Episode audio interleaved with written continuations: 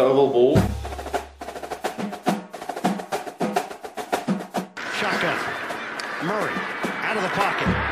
Seven seconds. Six seconds. Murray heaves it downfield. It is. Oh, it's caught. It is caught. DeAndre Hopkins. Miraculous. I play in the NFL. I think I play in the NFL. I think I play in the NFL.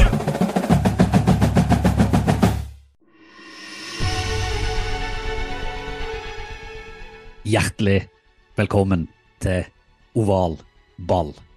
Ferien er over, og alle tre har meldt seg til oval balls training camp før sesongen. Hjertelig velkommen, Stian. Tusen hjertelig takk, og velkommen til deg, Reier. Tusen takk, og hjertelig velkommen til deg, Kenneth. Takk for det. takk for det. Velkommen til deg, Kenneth. Tusen takk, Stian. Det er veldig godt å se dere. En stund siden sist. Vi skal, dere, fyre opp stemninga som running backs har gjort i NFL de siste ukene, og vi skal allerede spå hvem som vinner divisjonene i år. Noen nyheter skal vi innom, og ikke minst så har vi jo fått noen lytterspørsmål fra dere der ute som vi skal svare på. For en fantastisk start på august, da, hele gjengen. Eller snappen går, football til folket. Football til folket. Football til folket. Det har vel aldri passa bedre å prate litt om hva som har skjedd siden sist, for når var det sist vi møttes? Mm, tror det var 15. mai, var det ikke? Ja, du var ikke der da? Nei. Nei. Da hadde jeg gått i full perm, ferie, Spania-fastemodus. Ja, men, men kan ikke du bare, mens, mens du er langt inne i perm eh, og faste modus og hva enn pokker det er, hva, hva har skjedd siden uh, tidlig mai, Kenneth? Skal jeg begynne? Ja, kan du ikke det? Det er jo Ja, ikke har- eh, Noen jeg må hadde- begynne. Jeg hadde jo gått ut i pappaperm eh, når vi avslutta sist. Mm. Ja, vi så- så ikke deg siden vi har ikke sett deg siden januar. Nei. Og så dro jeg til Spania i to uker. Det var flott. Og så har jeg vært hjemme. Og så har vi leid ut hus i sommer, da. Det var gøy. Um, Gøy eller hektisk? Ja, det var litt av begge deler. Men da, da får man rydda opp, da. Ja, liksom- Kona får rydda opp. Jeg skjønte dette her. Ja Men man får liksom tatt vekk sånne ting som bare ligger oppe på bokhyller og sånn. Sånn som sånne gamle ting som bare blir liggende fordi det ikke er i veien. Og så Men vi dro jo på campingtur, Eh, så det var jo interessant. Vi var jo en uke, og da hadde vi leid et hus, så vi kunne jo ikke dra hjem. Og der eh, var jo først så kom jeg liksom 20 minutter av gårde. Jeg hadde alle tre ungene i bilen, i bobilen, som vi hadde lånt. Og så var kona hjemme for å gjøre klar huset til utleie. En søndag, selvfølgelig. Kom liksom til Lillesand, da. Vi bor i Grimstad. 20 minutter å kjøre. Skulle til Mandal. Da begynte alle de der varsellysene å lyse. Det var veldig artig å følge det på Snapchat, altså, for da var det en frustrert mann som altså. trodde at nå, Ja, så nå da- eksploderte hodet. Ja, så da stappa vi på Yks, da. Alle tre ungene inn der, spise pølse. Pøseregna, selvfølgelig. Det ventet på svigerfar, da, som vi hadde leid lånt bobilen av. Kom og kikka litt på den. Nei, det var ikke så farlig. Vi kjørte videre. Kom til Mandal. Var der i to-tre dager. Bobilen er jo bare registrert for fire. Vi måtte ha med den andre bilen også, vi er fem. Jeg mener, Jeg du glemmer en viktig på ting med Mandal. Ja, at vi møtte dere. Mm, vi kom på besøk. Fikk besøk av Reier og familien, det var veldig hyggelig. Men eh, og rett etter, de, rett etter de var gått, så dro vi på stranda for å bade. Og da hadde vi kommet tilbake, så har vi et sånn oppblåsbart fortelt som hadde punga. Som da hang som en sånn slapp kondom på utsida av bilen. Hvor var det du sov om natta? Så, ja, ikke sant? Det hadde sikkert ikke vært så farlig om ikke det var liksom 12 grader, 16 i kasta, og jeg sov der på natta. Uh, prøvde å fikse det, funka ikke. Onsdag morgen kom, vi skulle videre til Evje. Hadde rydda sammen alt sammen, klart å kjøre. Da starta ikke vår bil. Batteriet flatt. Men da er man jo på campingplass, så da får man jo hjelp. ikke sant? Der har har jo folk alt som trengs. Nettopp, ja, Nettopp. ja, ja. Nettopp. Nettopp. Det satt en fyr sikkert eh, 30 meter unna. Hørte den tikkelyden da jeg prøvde å starte bilen. Kom løpende hen. Trenger du hjelp? Jeg har startkabler. Det er jo litt gåsehud, da. Så det gikk det- liksom fra motgang til medgang på et vis. da. Jeg må bare spørre, for det, det som var litt artig når jeg var og besøkte deg, så kom det plutselig en sånn Jeg vil jo si, jeg skal ikke si white trash, men det er nesten det man må si. Det kom noen sånne svære trøkkere og en svær familie med fem hunder og Ja, ja. eh, ja, altså, Var det den gjengen som kom og hjalp deg? Nei, det var ikke det, faktisk. Eh, de bodde jo litt sånn out of sight for min del. De bodde liksom rett bak et sånt stort hus. Men eh, det var, eh, det var en annen hyggelig fyr. Og det er jo Sånn er det jo litt med campingplasser. Det blir liksom en slags festival. da. Du kommer liksom inn porten, og så er du inne i et slags eget univers. da. Hvor alle på en måte gjør de samme tinga. For det er jo på en måte Du sitter der og koser deg. Det er lekeplasser. Det er eh, fellesdusjer. Og så er det stranden og Så det, det var veldig hyggelig, altså. Men det var, vi møtte jo litt sånn motgang, vi, da. Sånn at ehm, Det livet er ikke for alle, ass. Det er ikke for alle. Eh, og det er ikke for oss eh, med tre små barn, i hvert fall. Eh, det har vi funnet ut etter de seks dagene. Vi, jeg sendte faktisk midt, midtveis der på onsdag, så sendte jeg faktisk melding til en kompis om vi kunne leie huset hans, for han var på ferie. Så vi hadde sånn leid ut vårt eh, eget hus for å leie et annet. Men, Jeg, men jeg, tok med, jeg, tok, jeg tok med madammen ned for å hilse på der, og hun syntes det var veldig Ja. hyggelig hos deg, da. Men hun sa Ja. det når vi gikk at fy faen, Reier, skal faen meg aldri bo i en bobil. Nei, nei. Så, så det er ikke for alle. Men, eh, men, eh, men, men det var Det er jo en opplevelse. Og det er jo greit å få den erkjennelsen, da. At dette gjør vi ikke igjen på en stund. Så vet vi det til neste år, at det skal vi ikke. Men apropos, vi fikk besøk av dere, Reier, og det var jo kjempehyggelig. Fordi Mm. Vi kom fire stykk, og Yes! forrige vi pratet, så var vi bare tre. familien, ovalballfamilien, Det er er utvida. Den er Fantastisk. utvida med en, en til, som uh, dukka opp 31. mai. Kom hun, kom hun ut på besøk, så det har jo vært, uh, det har vært en overgang. Det kan man Kom jo si. Kom ikke på besøk. Nei, hun kom for, for permanent oppholdstillatelse. Mm. Er det vel det det besøk, heter? Da. 19 Ja, år på besøk. Først på besøk, og så oppholdstillatelse med en gang. Så eh, Nei, det har jo egentlig vært min sommer. Jeg har vært permisjon. så det er jo Første sånn tre ukene så var jo ordentlig babys. Hun sov jo nesten bare. Så jeg har jo da liksom fått eh, fiksa alt jeg skulle fikse utenfor i to år. Liksom Fiksa platting og fått malt murer og skrapa trapper. Og, og så sånn plutselig cirka rundt når sommerferien starta og han eldstemann skulle ut av barnehage, så fant hun ut at ja, men jeg gidder ikke sove, det er jo ikke noe gøy. Jeg skal jo oppleve livet. Så da eh, ble det litt mer arbeid eh, her hjemme, så da dro vi ned til Sørlandet og bodde hos mine foreldre da i, i, tre uker. Eh, Og da kunne vi komme opp og besøke det, eksempel, Kenneth. Det var, Ja, det var det var stas.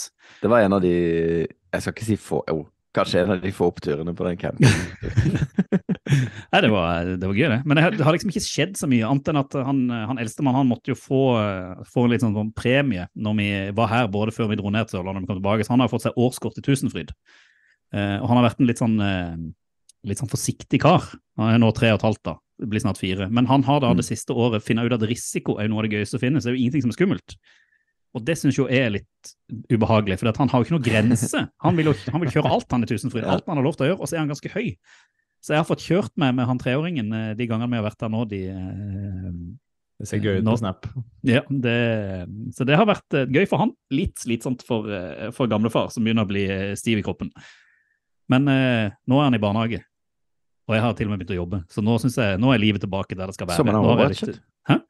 Sommeren er over.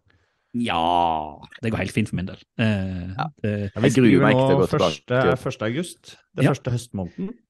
jeg, bare, jeg, for det, jeg må bare det er siste sommermåneden. Ja, det er siste sommermåneden.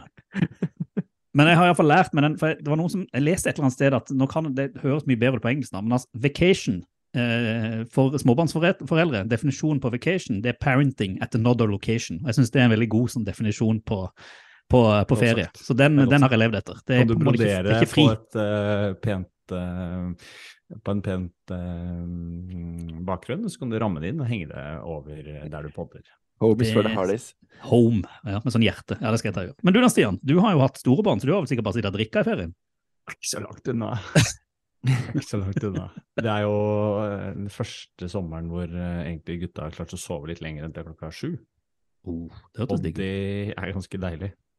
Jeg har egentlig nettopp stått opp når vi har begynt her nå å podde. Han sistemann gikk ut døra idet dere begynte introen her. Så kom han ut av soverommet rett bak meg. Ja. Så det gjør jo sitt med feriefølelsen. Det gjør at man snur døgnet litt og eh, koser seg litt mer enn det man gjorde før. Ja, det har vi lagt merke til. Ja. Gjør ikke å ha litt vondt i hodet når du våkner. Godt med vin. og- Ja. Ja, vi er ikke bitre, kan etter med det. Nei da. Nei, altså ikke. Det kommer for oss òg. Ja, det gjør det. Det kommer for oss. Det gjør det. Eh, så mm, jeg har ikke gjort veldig store krumspring i ferien. Så gjort ferdig oppussing. Eh, har fortsatt litt sånn småting som gjenstår. Alltid noe som gjenstår. Ja, det er det, men det har vært hatt to uker på hytta på Hvaler f.eks. Kjempefint, men blåst bort og regna litt og ikke vært sånn super-Norge-ferie. Ikke vært i utlandet. Mm. Um, ellers bare tatt det med ro. Gjort, eh, lest litt bøker, gjort ting som man vanligvis ikke har tid til i hektiske arbeidsuker. Mm. Og så avslutta vi liksom nå siste uka vi kom hjem, så um, må ha var to besøk på legevakta på tre dager. Nei, Jan. Den er jo stor. Det er en ny rekord her i familien. i hvert fall. Og samme, samme junior som uh, først tryna skikkelig på sykkel. Um, så han måtte lappe sammen og rense sår og styre uh, på legevakta. Og så, to dager etterpå, så oppdaga vi at han, han har jo borrelia. Han hadde jo sånn svær ring rundt, liksom, som gikk rundt hele øret. da. For han hadde greid å klødd seg på et stikk i tinningen. Så vi tenkte det er myke stikk. Det er myke stikk, det er ikke farlig. så Han har flott. ikke på noe. Så så vi plutselig så dukka det opp sånn svær ring. Så var det tegn på borreliose. Så han går på antibiotika og er eh, godt lappa sammen. Ja, det er godt. Ap apropos det, vi, vi fikk et lytterspørsmål her i går. Fra, eh, ja, du kjenner han vel relativt godt, eh, Johannes Tveit, eh, Stian. Hvor han bare spør hvem er det som har fått flest sex i ferien? Eh, og da har han bare lurt da, eh, altså apropos da, sykdom, unge, kone og tidsklemmer. Jeg syns jo eh, dere konkurrerer jo ganske godt da, med din campinghistorie og du med unge på, på legevakta. Eh, Eh, Jeg kan jo bare bringe inn at jeg slår det, da. For vi var tre dager på rad på legevakta. Eh, For hun minste hun, hun skal jo ikke bli sjuk nå under tre måneder, men det ble hun da. Så hun fikk redd for feber. Så vi var på legevakta tre dager på rad med en, eh, en seks uker gammel baby eh, som hadde feber og var liksom helt sånn pottetett i, i, i nesa. Og da er det visst sånn at de, de skal jo egentlig sendes rett inn på sykehus, men heldigvis så var hun såpass god form at vi slapp. Så det ordna seg, det òg. Det var Føyer sånn... seg jo litt inn i rekka av dine sykdomshistorier med barn. Ja, ja. Og så ble vi jo alle syke etterpå, så det var jo veldig fint. Det eh, ble avløst av at mor ble syk, og så ble jeg syk. Og så er det eneste som ikke ble syk, det var han som havna på sykehus sist. Det Albert, han, eh, han minste. Han, han slapp. Så det var Da er eh, en sånn skikkelig immun, han eh, Ja, jeg forsvaret det. her standhaftig nå. eh, Jeg vinner ikke den, altså. En kjapp tur på legevakta med samme, det er ikke noe Jeg, jeg tror kanskje Kenneth vinner den uh, SAC-konkurransen, for den der campingturuka di, den, kjente den Jeg kjente syns jeg det er selvpåført. Altså, jeg vet ikke Ja, om jeg har fått noe ja. sympati for det der. Jeg skal teste campinglivet. Det, vi andre vet jo liksom hvordan det hadde vært før vi hadde tenkt å prøve det ut. Jeg hadde aldri dratt på Ja. campingferie. Nei, vi er optimister i vår familie. Eller Skal vi- du er optimisten. Jeg tipper Lise bare ja, Nei, hun er veldig det. optimist, men hun er også Jeg tror litt realist. sånn på tampen. Der. Mm. Hun sånn, orker å krangle med deg, bare. Jeg tror bare hun tenker at ja, vi får bare vi får prøve det, så skjønner han etter hvert at dette er idiot. Nei, men det, vi, vi, må, eh, vi må ta et steg vekk fra feriebobla, så må vi prate litt om det vi kommer for å prate om, må vi ikke det? det må vi. Hva var, hva var det? Eh, Soccer. Noe, der, eh, Noe, noe, noe ovalball. Fotball-VM for damer? Ikke vær noe Trygve Hegnar. Det er greit.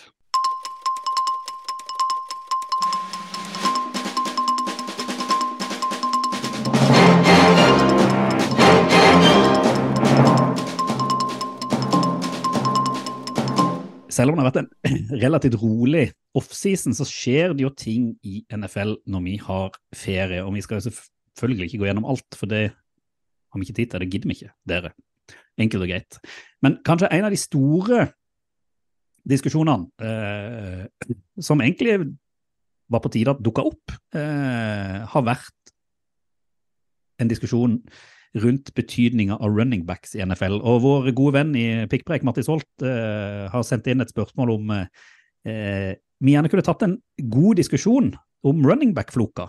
Eh, og hva er løsninga? Eh, men før vi prater om floka og løsninga, Kenneth, kan ikke du forklare litt? Hva er det egentlig som har skjedd? Altså, Hva er denne running back-diskusjonen som nå pågår i, i NFL? Det, det som har skjedd, er jo at det i løpet av de siste åra kanskje da, har vært en sånn kontinuerlig devaluering av posisjonen i seg sjøl. Og dette er jo også knytta til at det er uh, running backs er gjerne best tidlig i karrieren sin. Og da har de jo på en måte Dette er jo veldig fastlagt i den, uh, den CBA-en, Collective Bargaining Agreementen, som presiserer liksom forholdet mellom arbeidstaker og arbeidsgiver. da. Uh, og eh, på rookie contract så får jo de så og så mye betalt som er. Det er jo ganske regulert, da, i forhold til når de blir plukka i draften. Uh, og så har jo Man kan jo kanskje skylde litt på Shan her nå, kanskje. da, At, at det viser seg jo når han uh, får skader, så kan han bare sette inn en running back fra hvor som helst, og så funker det systemet, da. Og etter hvert som flere og flere lag i ligaen også konverterer til Shanahan sitt system, så kan man jo si at kanskje ikke det er så mye bruk for en uh, running back, da. Nå sier jeg dette med gåstegn. Uh, og de siste som har fått store kontrakter, da, Todd Gurley, Ezekiel Elliot, altså kontrakt nummer to, da. Vi har Derrick jo Henry. vært Derrick Henry, kanskje, men han har jo vært god, da. Men Mm. i hvert fall Zeke og, og Gurley har, fikk jo kjempemye penger, og det gikk jo ikke noe bra etterpå. Altså, de mista jo De funka ikke helt sånn som de gjorde før, da. Eh, og det har sikkert skremt eh, ganske mange eiere da, og ganske mange general managers til å gi kontrakt nummer to, da. Og det ser vi jo effekten av nå, når både altså Saquon og Jacobs, som jo er motoren i hvert sitt lag, da, ikke får ny kontrakt, men blir tagga. Og så kan de jo tagges to ganger, uh, som gjør at de på en måte lønnsnivået på running back også holdes nede, da. Og Dalvin Cook for eksempel blir slippa av Vikings. Dalvin Cook blir slippa ut, eh, selv om han egentlig fortsatt er kjempegod. ja. Sånn det, og de, altså Minnesota spiller jo også en sånn avart av Shannon. Det er jo Kevin O'Connell som kommer fra Rams 3, da, ikke sant. Så de ser vel også på en måte at Og de har en god running back nummer to i Mattison, og ser muligheten til å spare penger, da. Eh, og nå har jo da running backs også gått sammen, da, har vært på Zoom-calls, og vi så jo en sånn ganske sånn fellesfront hvor det virka som de hadde blitt enige om at nå skal vi tweete litt alle sammen, med McCaffrey og Najee Harris og Jonathan Taylor og Saquon, Josh Jacobs. så støtter de hverandre, de gutta. De støtter hverandre, eh, og, men det Ja, det Vi elsker jo running backs, og jeg tror jo også nå at eh, med ligaen som er blitt en mye mer passing league, nå, nå kommer det til å snu, sannsynligvis. Vi ser Falcons nå, de har jo ingen De skal jo bare løpe. Eh, og eh, da vil jo kanskje running back-verdien stige. Samtidig så vet ikke. De får Men, ikke kontakter nå.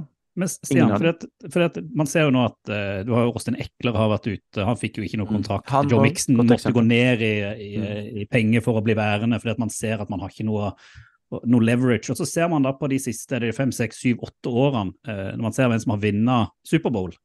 Det er jo nesten ingen av de som har hatt en top tier uh, running back. De har henta en running back i en, kanskje en rookie running back, eller henta en i en sen runde, eller en som ikke har vært så veldig profilert, og likevel så greier man da å gå hele veien. Eh, man ser jo altså bare Chiefs i fjor, som tar Isaac Mm. Pacheco som er henta i sjuende runde. Eh, altså, er det fordi at og nå, nå stiller jeg deg et spørsmål, så du, får, du vet ikke om du kan svare på det, men jeg prøver likevel. Er det fordi at spill i NFL har utvikla seg sånn at runningbacken sin rolle ikke er like viktig? At du, du kan spille på så mange ulike måter at den rollen der har ikke den samme verdien som hadde tidligere? Eller er det rett og slett at det er så jæklig mye høy kvalitet på running backs at forskjellen mellom en top tier første runde running back og en som blir henta i syv, syvende runde, er mye mindre enn f.eks. på wide receiver-plass og på quarterback-plass? Tror, eh, for, det første, for å svare på det siste først, så tror jeg jo at de som er stjerne-runningbacks, de er jo ekstremt gode. Du så hvordan uh, Christian McCaffrey heva nivået til, uh, til 49ers i fjor, f.eks. Fordi han bidrar med noe helt annet og har en helt annen måte å løpe på og en helt annen motor enn mange av de andre har. da. Og sånn som Derrick Henry har drevet og styrt opp Titans-angrepet de siste åra i tillegg. Så det har én ting å si. Men det som har man kan se det kanskje litt i sammenheng med hvordan quarterback-spillet har endra seg de siste åra. For eh, i fjor, så kom det, etter sesongen i fjor, så kom det ut noen statistikker som jeg så på PFF, som gikk på eh, hvor PFF pluss, da, eller? Som vi nå har et år. Nettopp. Hvorfor har vi det? Nei, fordi vi sendte inn sånne gode spørsmål og gjorde noe greier, da. Takk til Will Men eh, poenget mitt er at quarterback-spillet, hvor man tidligere hadde flere reads da før man gjorde et valg på hva man skulle gjøre, man hadde én, to, tre, kanskje opptil fire reads før man kasta fra seg ballen, så har det nå gått ned til at man har bytta ut omtrent den tredje readen til å løpe sjøl som quarterback. Mm. Så de beste quarterbackene, de beste lagene, har også quarterbacker som scrambler mer, da, så man legger opp til kanskje også designe runs for quarterbacker som skal gjøre det bra. Og det ser man f.eks. på Jalen Hurts eller Mahomes når han må. Eh, Allen er jo et godt eksempel. Burrow og A-Rod og sånn, de løper jo ikke mye, men Lamar er jo ekstremt god på det. Og jeg, jeg tror du skal se den utviklinga der og spille litt sånn i sammenheng med hva running backs har fått og ikke, da. Mm. Men kan, kan det òg henge sammen med Kenneth, at man ser at La oss se på draften i år da, med Bijan og Jameer Gibbs som blir trada høyt, men de har òg en evne til å både spille running back og egentlig gå ut og være receivere.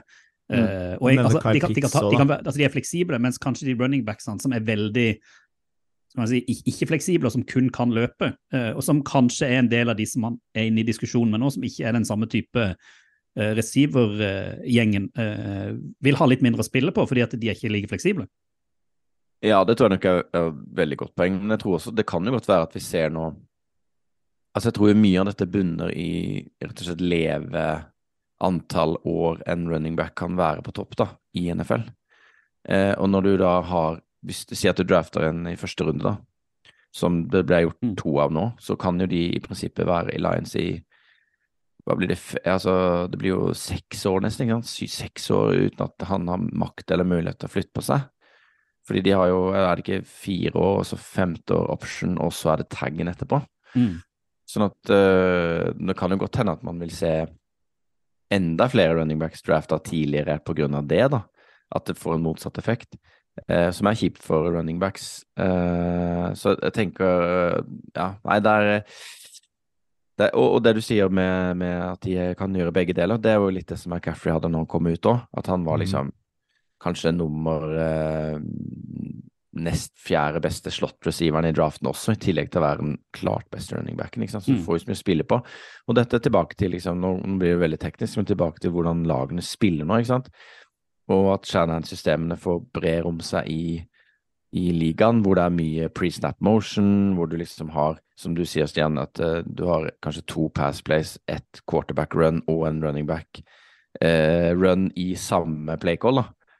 Og Da trenger du spillere som kan spille flere posisjoner, ikke sant? eller som kan gjøre flere ting. Og det ser, de lagene som eh, som har mye pre-snap motions, da, Mm. det er jo typiske lag som ikke har kanskje de der stjernereceiverne eh, som kjører på de. ikke sant? For se, Burrow ligger jo veldig lavt på det, for de har Jamar Chase og T. Higgins eksempel, som, som ikke vil nødvendigvis tjene på å gjøre, gjøre om på bevegelsessystemet, men må ha Mm. et forutsigbart eh, opplegg. Men så har du sånn som eh, Chiefs, da, som vinner Superbowl, og som gjør nettopp mye av det. Som switcher kanskje to til tre ganger liksom, før de virkelig kjører opp eh, spillet og har Mm. alternativer. Um, nå så vi jo at uh, Saquon Barkley han tegna jo allikevel et ettårskontrakt, en ettårskontrakt, selv om han uh, egentlig var imot, og følte vel kanskje ikke han kunne Hva skal vi si? Han gikk vel på noen insentiver og tjente litt mer enn det som var utgangspunktet for franchise-taggen eh, først. Eh, Jonathan Taylor nekter jo å signere ny kontrakt. Og, Ja, nå er skada og ja, men Jim Mercy, da, som er eh, eieren og sjefen i Indianapolis Colts, han har jo vært en av de som har vært tydeligst ute og kritisert egentlig running backs for å være litt sånn ukollegiale. Fordi de Mm. går imot den CBA-en som du nevnte i stad, Kenneth, og ikke Mm. forholder seg til det som har vært avtalen. Og det er klart, Mm. for en eier så har man ikke lyst til å bruke Nei, mer hørte, penger enn Men jeg hørte på ATN sist, de gjorde sikkert dere òg, at, eh, at, eh, at de snakka jo om dette her og sa at eh, men det er jo bare tull, fordi CBA-en kan revideres Kan egentlig når som helst. Mm. Og jeg tror jo det er på en måte tilbake til typisk liksom, arbeidsgiverstandpunkt. Ja, nettopp. Altså, hvordan, får de, hvordan kan de gjøre dette? Det er, eller hvordan kan det bli bedre for running backs? De må inn der på den avtalen, da. Det må gjøres noe med rookie-biten, spesielt hvis det er sånn at For det, det har de jo tall på, ikke sant? Leveår i, i, i NFL og alt det der. At liksom kontrakt nummer to er vanskelig å få tak i. Da, da liksom Det skal jo være det, i utgangspunktet litt fair, da, dette systemet. Så, så se, kan du se for meg at de kan få noe, noe ut av det, da.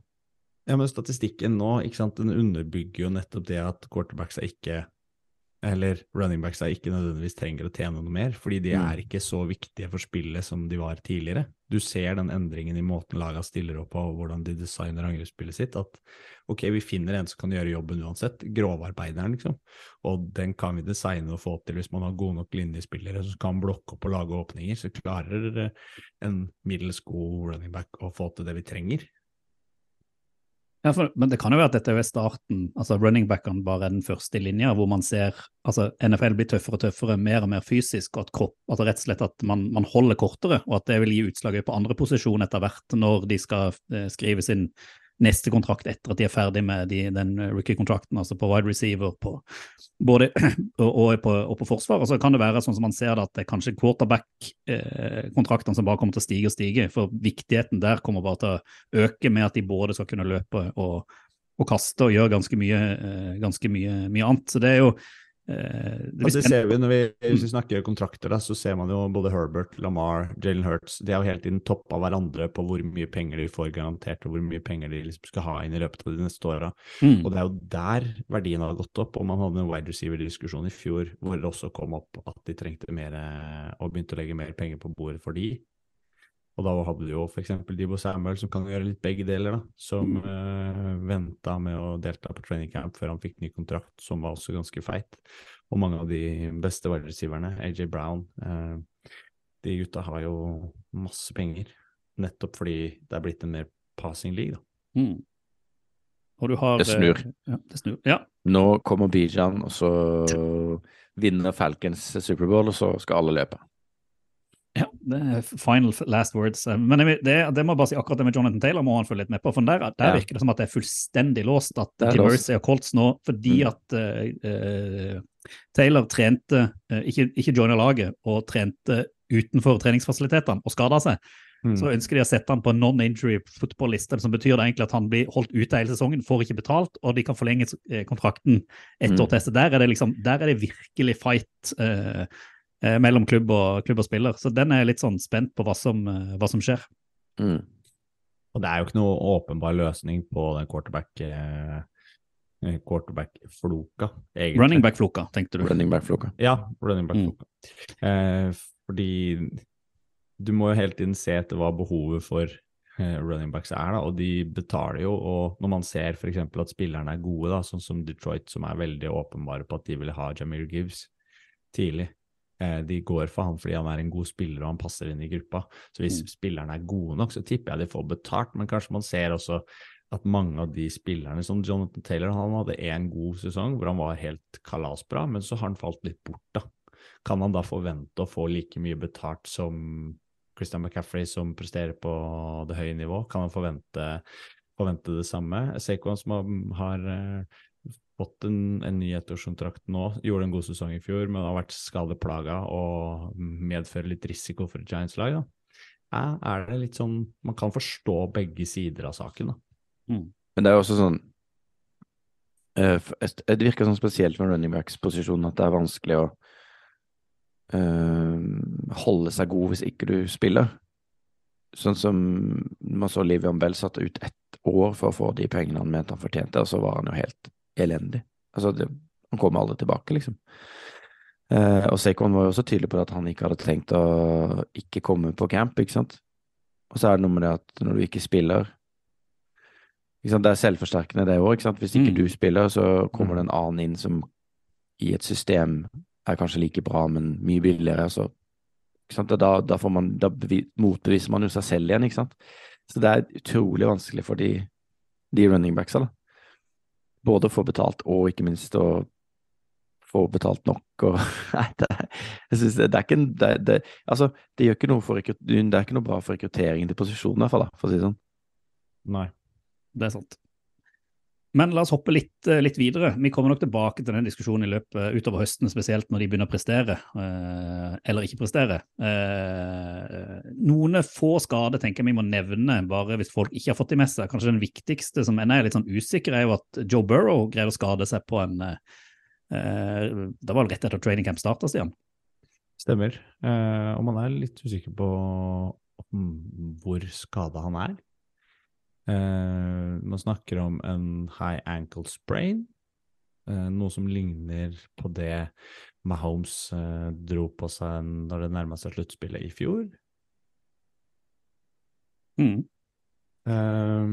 og det er utvilsomt en kjempeviktig og den viktigste spilleren for, for Bengals det. Nå så jeg litt på NFL-kanalen i går, hvor Trevor Semian da er den som tar tar uh, first eh, team reps. Simi er så dårlig. Oi, oi, oi. Bengals. Så hvis ikke Burrow blir klar ganske tidlig, så får jo Bengals sannsynligvis en ganske tung start på sesongen. sa, uh, så Taylor sa 'several weeks'. Ja. Er det jo 'several weeks' til starten? Det er seks uker til start. 8. Er det 9. 8. september? Det smeller. Men det som er fint, da, det er at, eh, og dette her kommer vi tilbake til etterpå, men nå er det vel klart at Joe Burrow skal være med i andre sesongen av quarterback, og jeg tipper de allerede har starta å filme. Så her, er det, her får, du, får vi nok inside på hvor skada han er i eh, neste sommer, hvis noen følger med på, det, på den serien, og om det egentlig bare er spill for galleriet. Jeg er helt sikker på han er tilbake til sesongstart. Det får vi satse på. Den, hva skal vi si, eh, ligaen får jo en attraksjon mindre når ikke han spiller. Og det Ja. rivaleriet han er Han på vei til å bygge opp med, Ja, det er med nå begynner jo å bli helt innsides hinsides eh, gøy. Og så en til, da, som har tatt seg en tur til dine venn i Miami, eh, Kenneth. En av våre favoritter til å slenge dritt og ut og spille fotball, Jalen Ramsey. Eh, Ja, han er ute lenge, tror jeg. Og han er vel ute hele sesongen, eller er han egentlig det? Nei, desember, tror jeg, men det var jo alvorlig Jeg har helt glemt hva det var, men eh, det var sikkert noe kne, da. Ankel eller kne. Meniskskade, Menisk, var det ikke? Ja. Eh, Han ble operert og greier, så det er jo en liten slag i fjeset. Men de er jo ganske bra på corner i Miami, da, så vi får se. Ja. Før. Uh, ja, Men han er jo en, en, en kjip uh, mann å miste, både for, uh, altså, både for spillet, men også for at han er en underholdende type. Han vinnerskalle og. Gøy å lese om eh, og se på. Ja. Så henter de vel Eli Apple nå som erstatter, om ikke jeg husker Mm. helt feil. Bare siden Ramsey var ute. Akkurat samme nivå. Ja, I skadebonanza kan det være verdt å nevne Timothy Patrick også, som eh, nettopp eh, har kommet tilbake fra ACL uh, Torrey kne. Røk akilles i går. Sykt trist. Så han var ute altså. kommende sesong også. Uff a meg. Uff a meg. Han Får vi se han igjen, tror du, Kenneth? Ja, det tipper jeg. Men uh, om det blir bra, det vet jeg ikke. Han får nok en eller to sjanser til uansett. Tipper så- Payton hadde eh, budsjettert å ha han inne kommende sesong. Han er jo en kjempegod receiver. Apropos Peyton, -hmm. som eh, har gjort intervju i fylla, virker det som, eller? Har det vært helt Kan Hva du er det Sean parodiere Payton hva har han gjort? sa? Kan du parodiere hva han sa? Ja, nei, altså han sa jo bare at uh, Hackett var søppel, og hele Broncos i fjor var uh, det verste som var vist på uh, banen, holdt jeg på å si. Det var helt Han var jo Nei, det er sjeldent i våre dager at man ser noen går uh, såpass hardt til verks eh, på kollegaer. Og Hackett er jo tilbake og er i Jets, og han slang vel litt med leppa til Jets også, at de skulle være med på Hard Knocks, og bare liksom feil fokus og så videre og så videre. Så jeg vet ikke hva som har skjedd der. Da var det en viss, uh, viss rutinert herremann med navn Aaron Rodgers som fyra litt uh, opp. Ja, og Robert. Sala òg var jo Ja, ja, ja. rimelig tøff. Også sånn at det, det er jo litt gøy, da. Men, uh, men det, det er veldig ulikt. Eller sånn, disse store stjernene, da. Peyton er jo en s- etablert, stor mann, stjernetype. Ja, du sjel- film om han. Da er du stjerne i USA. Ja, vel, den filmen, ja. Mm. Veldig sjeldent at eh, de på en måte mm, eh, oppfører seg sånn i mediene, da. Han gikk ut og unnskyldte seg med én gang, som jo også er litt sånn spesielt. Hvis han først hadde gjort det, på en måte. Men jeg vet ikke. Det er jo gøy i offseason at det skjer noe sånn tull, da. Ja, som vi Ja, for det har har snakket vært stille lenge nå. Siden vi, terminlista kom, så har det ikke vært noe særlig nyheter før eh, training camp eh, satte i gang nå den uka her, for real. Men det er gøy at det fyrer seg litt, eh, litt på. Litt så det skal vi fyr- følge med litt, litt framover. Ja. Eh, vi tar en eh, kort pause, og så skal vi komme tilbake med hva kan man si, en miks av topp tre og litt anbefaling. Det er det beste jeg har hørt. Dette er gøy. Det der, det er fett. Oval ball anbefaler. Ny sesong av ovalball etter ferie, men én ting skal bli det samme. Det er at vi skal prøve å anbefale noe til folket der ute. Og siden det har vært ferie, og vi alle har sittet i hver vår tue, så gjør vi en litt sånn ekstra vri da. Istedenfor å ha én anbefaling, så tar vi tre anbefalinger, men det blir, en, det blir på en måte en topp tre. bare uten at eh, det er en som er på toppen og en på bunnen. Men vi skal rett og slett gi dere alle én anbefaling hver, eh, som vi mener dere bør få med der eh, nå før sesongen starter. Eh, det er jo det viktige. At det, det, det, liksom, det passer nå før sesongstart. Eh, eh, og du Stian, du kan jo kanskje ta den mest åpenbare anbefalinga, som de fleste sikkert har fått med seg, men jeg tenker det må sies uten å spoile for mye. For Kenneth har selvfølgelig ikke fått dette med seg. Nei, han har Jeg selvfølgelig har sett noe. Men folket kan jo få rangere de tre tinga vi skal nevne sjøl, og lage sin egen topp tre. Gjerne send eh, til oss hva dere syns er eh, best av det. Eh, Men jeg skal til eh, Netflix-verden, TV-serie, eh, og den som heter eh, Quarterback. Mm. Som rett og slett gir deg et innblikk i livet til litt perifere Marcus Mariota, og hardtarbeidende, men ikke helt uh, vellykkede Kirk Cousins, og superstjerna Patrick Mahomes, da. Mm. Kan jo kanskje si at uh, det man får innsyn i, er jo godt redigert og helt sikkert uh, godkjent på forhånd før det ble laga serie om. Det er jo ganske tydelig i, i en del av det. Det som slår meg mest her, er jo um, spesielt hva slags typer Kirk Cousins og Patrick Mahomes fremstår som. da. Eh, Først og fremst hvor eh, jordnære og åpne og si, avslappa begge to virker egentlig i den tilværelsen sin.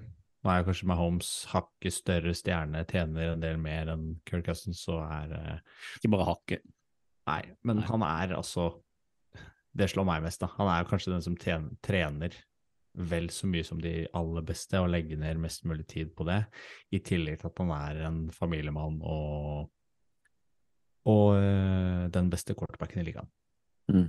Okay. Det kommer det jo Ja, det var kjølig. Nei, nei, det kom- kommer jo en ny sesong nå hvor de holder på å velge ut quarterback for, som de skal følge den sesongen. Og nå er det jo klart som sagt at Joe Burrow blir eh, en av de, så det blir spennende å se om de skal følge, følge videre. Men jeg, eh, jeg har jo sett det, og bare uten å avsløre så mye. altså jeg tror ikke du kan se quarterback uten å komme ut og være litt mer fan av Kirk Cousins enn du var før du så det. Han eh, kommer meget godt ut av den eh, dokumentarserien. Det må jeg bare eh, understreke. Og så nummer to, som er en sånn der liten bi. altså Det har jo vært mye hat mot broren til Patrick Mahomes, og han dukker opp litt sånn av og til. Og det interessante til dere som ikke har sett det ennå, følg med og se om det er greier å se én scene hvor han ikke sitter på telefonen. Så skal du nesten få en premie av meg. Det er helt fascinerende. Han sitter alltid på telefonen, uansett hva det er. Selv når de ser kamp, så sitter han på telefonen. Så uh, han lever sitt liv på TikTok, det er det ikke tvil om. Men verdt å se hvis ikke du har begynt å titte på den, så er den en, uh, gir den et godt innblikk. Og selv for dere som ikke ser all verdens amerikansk fotball der ute, kanskje hører på oss innimellom, eh, er det verdt å få ta en titt på det for å lære litt mer. Da får du faktisk litt sånn innsyn i Place og hvordan de tenker og legger opp et offense eh, også. Du da, Kenneth? Har du, eh, du har jo en anbefaling? Jeg har, jeg har sett litt. Jeg har sett fem episoder av Quarterback, altså. Så jeg er ikke helt utpå, men uh, det tar litt tid. Jeg har hørt uh, gjennom hele The Athletics The Playcallers, som er da Jordan Rodrigue. En journalist der som har vært ute og besøkt uh, Kyle Shanahan, Sean McVay, Mike McDaniel og Mike LaFleur. Nei, jo. Matt. Matt LaFleur, Mike er broren. Matt LaFleur, eh, som alle da kommer fra dette Shanahan-treet, og eh, hun snakker med de om eh, rett og slett hvordan det er å være eh, head coach og coach da, i NFL. Kjempeinteressant, veldig dypdykkende og utrolig teknisk til tider. Litt vanskelig å henge med av og til, men når man ikke liksom har alle disse playsa i huet eller vet helt sånn hvordan det rent teknisk foregår, men utrolig gøy sånn på et psykologisk nivå, høre de gutta snakke både om seg sjøl, om hverandre, om karrierene sine, og hvordan de forholder seg til hverandre både da, før og nå. Start, alle starta jo nesten under Shannon i Washington. Uh, ja, Mike McDaniel kommer helt vilt kult ut av den, eller han, han, han er så ærlig, han snakker så rett frem. De andre er litt mer tilbakeholdne kanskje med informasjonen. Eh, men ja, bare kjempegøy å kjenne. Han er jo bare Ja, spesielt det rivaleriet rivaleriet mellom Ja. Shanahan og McVay, McVay, ja. som blir, går til å være sånn ok, vi respekterer hverandre, men pokker, vi har hatt hverandre og vi spiller mot hverandre. Ja. Vi kjenner hverandre så godt at Utrolig kult. vi vil egentlig ikke anerkjenne at vi stjeler av hverandre. Vi vil egentlig ikke forholde oss til hverandre, for vi er genier begge to. Og så får man høre litt om eh, på en måte historien bak hele Altså faren til Kyle, altså Mike Shannon.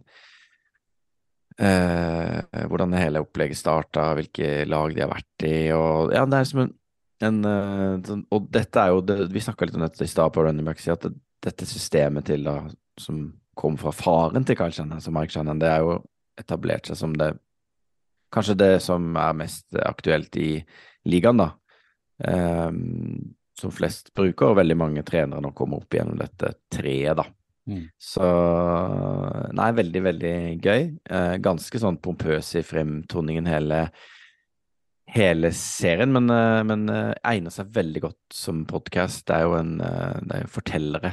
Alle disse gutta er jo også veldig gode formidlere, så det er veldig gøy å høre. Og Og Rodrigue er forklarer jo også litt bra. spesiell da, med den ordbruken og begrepene. Ja, Han snakker absolutt. på en helt annen måte. Absolutt, men uh, Rodrigue er veldig flink til å liksom komme inn og forklare litt når det blir veldig teknisk, og liksom så kommer det inn et par sånne forfattere og noen, uh, i hvert fall én sånn forfatter av en annen fotballbok, og litt sånn andre mediefigurer og ja. Så den er uh, absolutt å anbefale. Podkast, fem serier, ligger på Athletic sin footballshow-feed, da, så den er veldig lett å finne, altså. Ja. Og så har du blitt uh, fan av et nytt lag, Reier. Nei, jeg er jo ikke fan av et nytt lag. Det er bare at jeg, jeg har vel bare egentlig stadfesta min kjærlighet Ja, okay. for Nå eh, er du offisielt fan. Ja, jeg greier liksom ikke Nå bare alt, alt ligger til rette uh, for å være Detroit Lions-fan i, i år. Og det, jeg tror liksom Det starta med at de var med på Hard Knocks i fjor. og jeg tror Det, det Lions har gjort de siste årene med å rett og slett bare rebrande seg sjøl, det er litt samme måten som Formel 1 har gjort med Driving to Survive. Altså At det har gått fra å være noe som folk ikke brydde seg så mye om, til å være liksom et av de mest omtalte lagene i, i ligaen. og og det de har gjort nå, det er at de, de har rett og slett spilt videre på denne Hard Knocks-suksessen de hadde sist. De har skjønt at for å bygge et produkt, så må de fortsette å være åpne og ærlige og vise fram hva som skjer. Og så har de jo masse personligheter som er veldig gode foran kamera. Så de har rett og slett laga sin egen dokumentarserie som heter Inside the Den, som man finner gratis på, uh, på YouTube. Uh, som jeg syns rett og slett er helt, helt fenomenal. Hvor du uh, ser hvor de, liksom, det, det er å bygge opp det nye Lions, men hvor de har fått tilgang til alle sentrale personer i Lions. Første episode handler om eieren, Sheila Ford Hamp, som liksom ei litt eldre dame som du får så godt inntrykk av, har gått inn og bare bestemt for at det var hun som ansatte general manager, hun som ansatte Dan Campbell. Eh, Hun så at de hadde liksom noe i seg for å endre eh, synet på Lions. eh, Og du får liksom eh, Alt er gjort riktig, og alle fremstår sykt bra. Og så har de da siste episode som kom nå for en uke siden, hvor du får halvannen time eh, fra innsiden av draftrommet. Og du får alle diskusjonene i forkant. Du får eh, masse dokumentasjon av hvordan speiderne jobber ute på college. Du får alle diskusjonene om hvilke spillere de velger. og det er egentlig kjempeinteressant, for vi har sittet og, og diskutert mye. Liksom, hvorfor valgte de Jameer Gibbs, og hvordan går de fram? Og, og det som er så fint å se, det er at de hadde bestemt seg på forhånd. De går ut etter spillere som de vil ha, spillere som passer inn. De går ikke ut etter den beste spilleren. Så de, var liksom, de hadde tatt Gibbs uansett hvor de hadde plukka. Det får man inntrykk av, men så sitter de og spiller litt med å trade, for de tror kanskje de kan gå ned til tolv og få han allikevel. Og, og utrolig interessant å se hvordan det draftrommet For de har gitt, det er helt åpent. Du, har, du, du får liksom innsyn i alt, og du får alle diskusjoner. Og så får du i, i tillegg intervju med spillerne eh, i etterkant når de kom på besøk dagen etter på eh, draften og sånn. Så det er altså en helt fantastisk dokumentarserie, spesielt for meg da som har blitt eh, forelska i det Lions-laget. Og etter å ha sett den, så er jeg jo sånn, jeg er jo helt sikker på at de går hele veien i år. Det er liksom null tvil. Dette her må bare gå. Eh, selv om det er en litt sånn ja, hva kan man si, Dan Campbell er en sånn Sean Dyche-type trener. Jeg tror kanskje ikke han har ekstremt mye taktikk, men han er bare så jævlig sjarmerende og liksom people person. Det kan komme en liten sideanbefaling der, siden du er blitt så Lions-fan. Det er jo at uh, pompøse uh, Peter Schrager har jo en egen podkast, han òg, som heter The Season. Og der, um, der har, de jo, har han intervjua Brad Holmes. Ja, sånn Og han kommer jo utrolig godt ut av ja. Inside the Dan. Brad Holmes. Han, Overraska han, over det, eller? Det er jo ikke redigert og fiksa på. Jeg kjøper det, det er bare et spill for galleriet. Ja, ja. Elsker det. Sluker det jo rått. Ja sånn da, men, men han Brad Holmes virker som en rå fyr, da. Ja, Eh, fantastisk fyr. så, så den, eh, den The Season-poden til Shreggers er, er, Det er mye kjendiseri der, men eh, det er også en del fine intervjuer, hvis man, eh, hvis man har lyst på Tror noe. ikke Brad Holmes er så hyggelig når du lukker døra. Å jo da, han, det er full elsk. Full elsk. Men nå, nå må vi spå.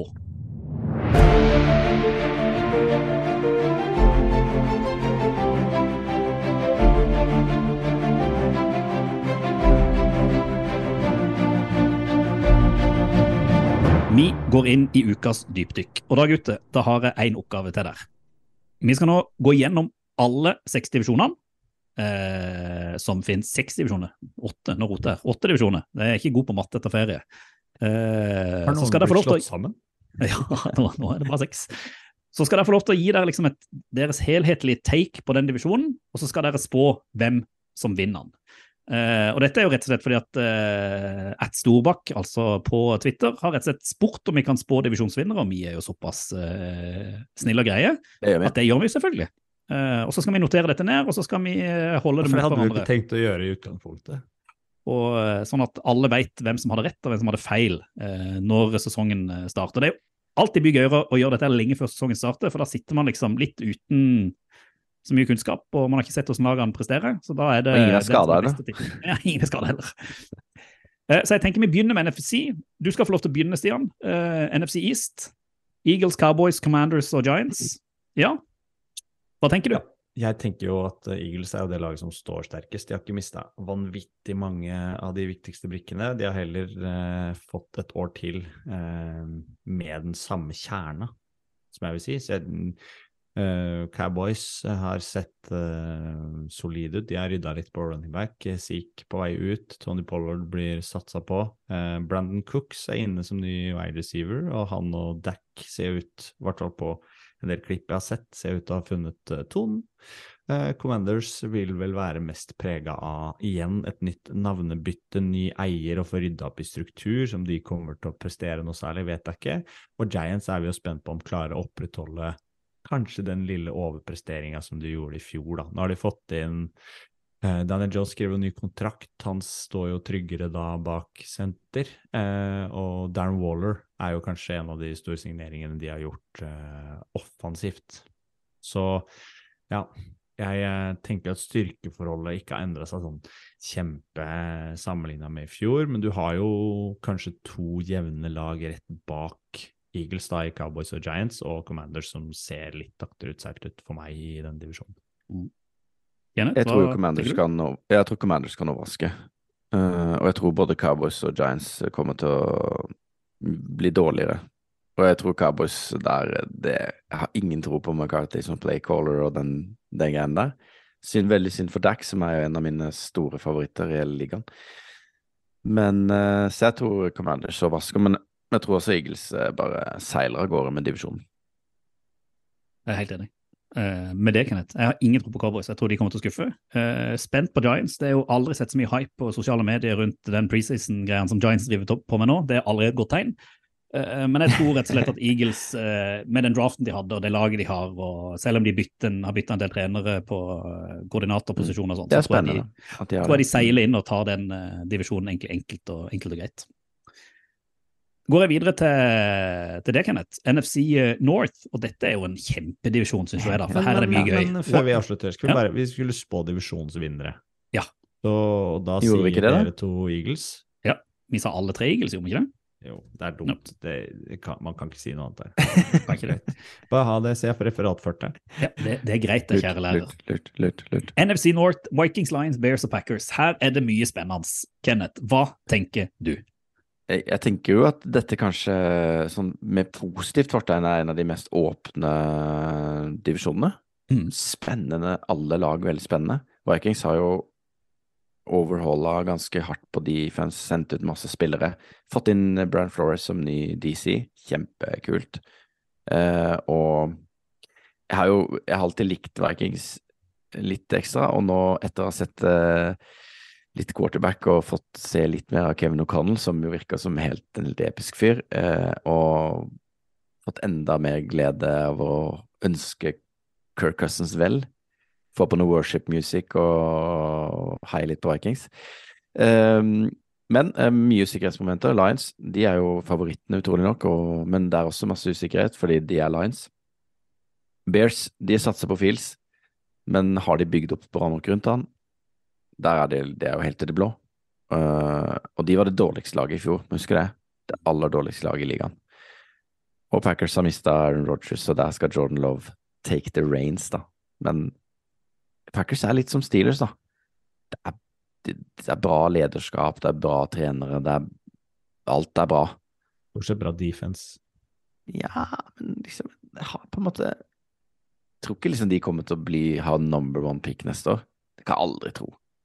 Så dette er åpent. Mm. Vanskelig å spå. Hvem vinner? Skal jeg si det med en gang? Ja. Packers. Den er heftig. Jeg kan jo bare si at jeg, her er jeg, jeg er liksom stålsikker på at det kommer til å bli en, bli en jevn, eh, jevn divisjon. Vikings tror jeg kommer til å skuffe litt. Eh, Bears kommer nok til å gjøre det bedre, men ikke superbra. Packers kommer til å være på det jevne. Dette er Lions sitt ord. Det er ikke tvil. Ja. det, altså, det er ikke tvil. Denne her divisjonen vinner Detroit Lions. De går uh, rett til playoff. Kanskje de til og med tar once altså, Nei, nei, er. Nei, de skal i hvert fall vinne divisjonen og gå til playoff. Punktum. Finale. Mm. Uh, det, dette er året hvor Lions skal prestere. Er Bears mulig at Lions går til Superbowl, vet du. Åh, da har jeg lyst til å reise. NFC er ikke liksom helt psycho. Ja. Nei, nei. Det, det, altså Minuset egentlig med den divisjonen er at det er så jevnt at alle kan slå alle, så det kan være vanskelig å ta den, den seieren. Eh, Mm. Men uh, all the way. Du, Stian? Jeg tenker Vikings uh, seiler fint opp og tar og vinner den divisjonen. Jeg tror Justin Jefferson er han er så god at han Ja, alene er den som uh, bikker den divisjonen her. Det er den X-faktor-spilleren som og kanskje den beste spilleren i hele divisjonen. Mm. Jeg tror det samspillet mellom han og Cousins, selv om Justin Jefferson ikke nevnte Cousins med noen rosord da han skulle rangere de beste quarterbackene i, som han så det i ligaen, Mm. så, så tror jeg fortsatt Vikings kan fortsette på det de, de gjorde i fjor. De kommer nok ikke til å jobbe noe dårligere i år. Eh, O'Connell har fått et år til. Jeg tror det ser greit ut. Lions vet du ikke helt hva du får enda. De er nok ikke ferdig med den rebuilden og helt uh, systematisert hvordan de vil ha det, selv om de var nærme i fjor.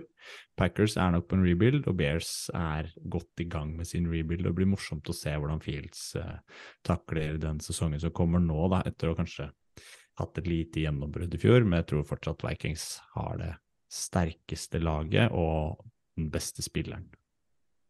Spennende. Her er vi, her er vi uenige, så her kan, vi, eh, her kan noen få lov å brag når eh, vi kommer Vi til Bears, slutten av året. Ja, ikke sant. Eh, Hvis vi går for kanskje en av de mest spennende divisjonene, NFC North, det er kanskje det jeg vil anta nesten si er den kjipeste. Eh, NFC South, med Buccaneers, Panthers, Saints og Falcons. Og her skal vel jeg få lov, det er jo typisk at jeg får lov til å ta det kjipe. Det er bra. Det er ikke noe med Eh, NFL som er kjipt, det, det må du lære. Nei, det er sant. det. Det, det er Mm. åpent her òg, fordi at jeg føler det er nesten sånn at du har fire lag som er på rebuild samtidig, eh, i samme divisjon. Eh, Bucks som er uten Tom Brady og skal vel eh, eh, prøve med Er det Baker som skal stå der og, nei, eh, og kaste, er det ikke det? Ja, ikke sant? Ja, og så har du Saints som har Carr, du har Falcons som skal prøve seg med Despen Ridder, og så har du Panthers med Bryce Young. Eh, Ja, pikkpreik, den drakta kommer etter hvert. ja, den kommer, den kommer. Eh, og han er åpen, men liksom eh, Og her tror jeg det, det, det kommer litt an på hvem som, som egentlig bygger først og best. Uh, og jeg vil liksom bare kaste ut at med Bryce Young, med uh, det nye regimet i Carolina, så har jeg ut fra hvordan de har prestert på slutten av sesongen, så har jeg troa på at de rett og slett skal ta steg opp og ta den divisjonen, uh, tett fulgt av, av, av Saints og, og, og Falcons, og så tror jeg Bucks går fullstendig på trynet. Bucks på trynet. Ja, det er ikke godt å si i divisjonen. Panthers er jo kanskje det laget som har litt sånn undervurdert og kanskje det beste defenset, sånn som man ser. JC Horn eh, var jo en av de absolutt beste i fjor. Eh, jeg syns Saints kan se spennende ut. Da er Michael Thomas tilbake. Eh, han har jo vært veldig skadeplaga, men er jo en eh, uvurderlig ressurs for ethvert NFL-lag når han er i form. Uh, Derek Carr ny, jeg vet ikke helt hva du kan forvente han. Falcons blir vel gøyest å se running back bonanza med Bijan Robinson, se tight end i Kyle Pitts og se om han fortsetter utviklinga. Så har de jo et par running backer til i Falcons som uh, gjør at det blir ganske run heavy offense, tenker jeg.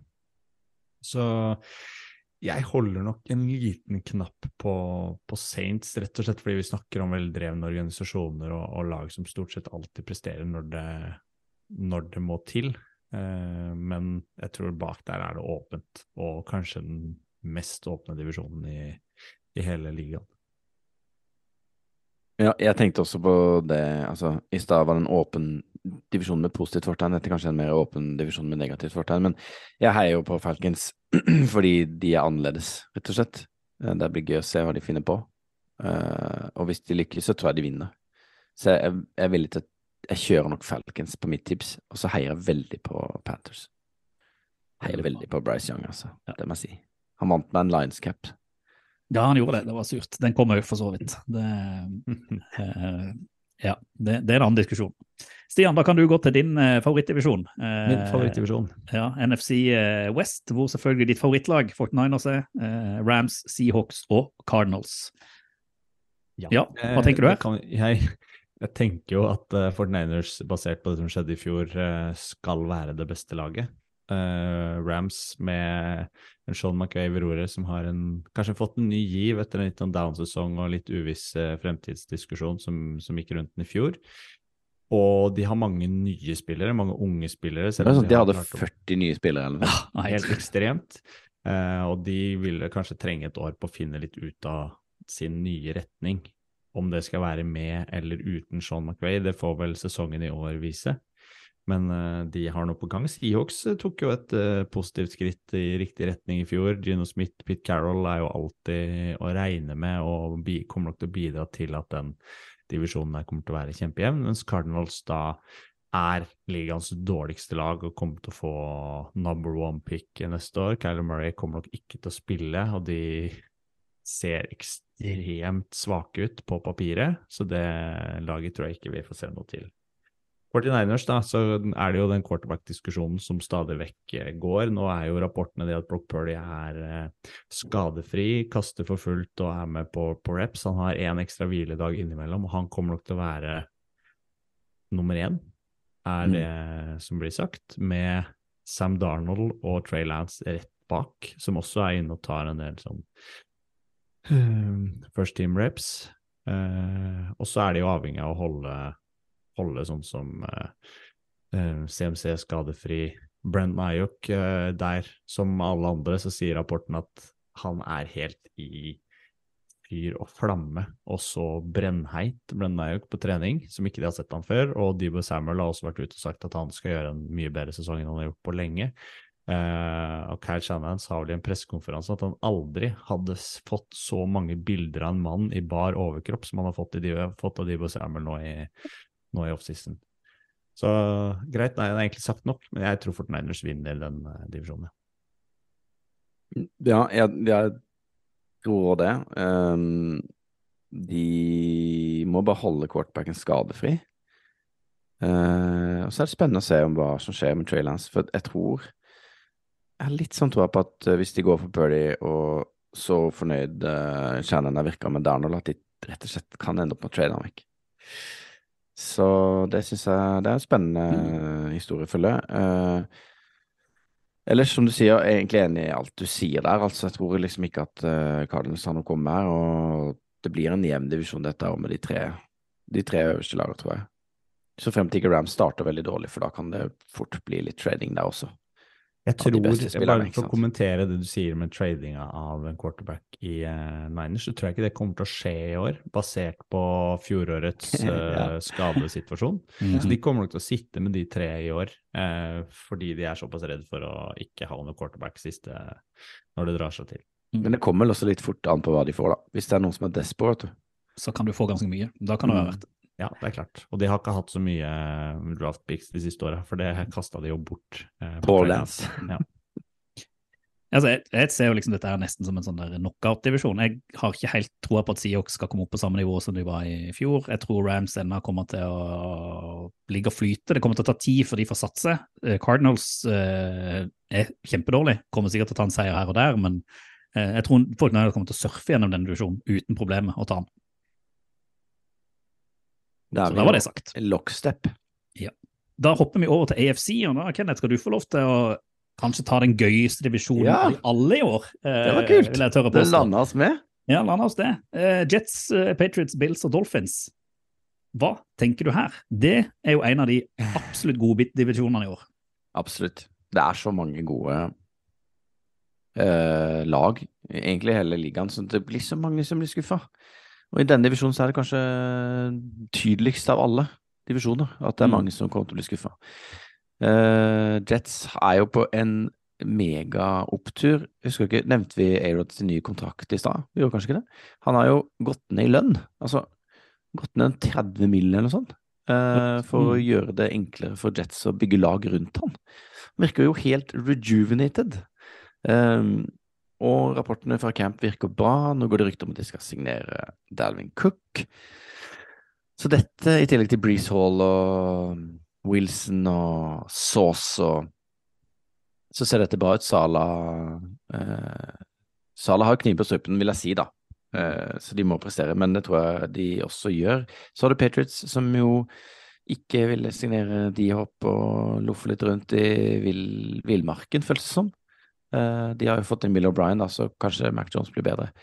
Og Bills snakker alle ned. Ah, vet ikke, ass. De er bare så sykt gode.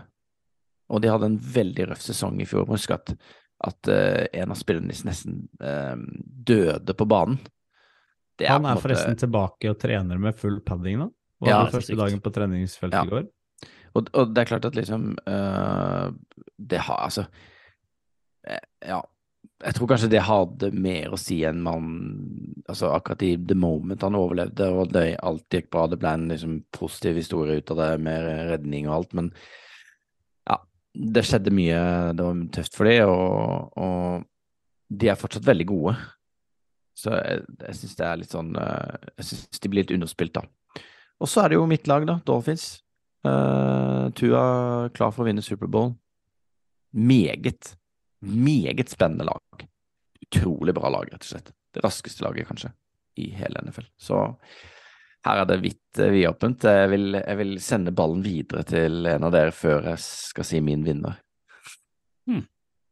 Da får jeg ta ballen først, da, siden han er en pysete, han der eh, karen. Pyser. Pyse. pysa meg ut.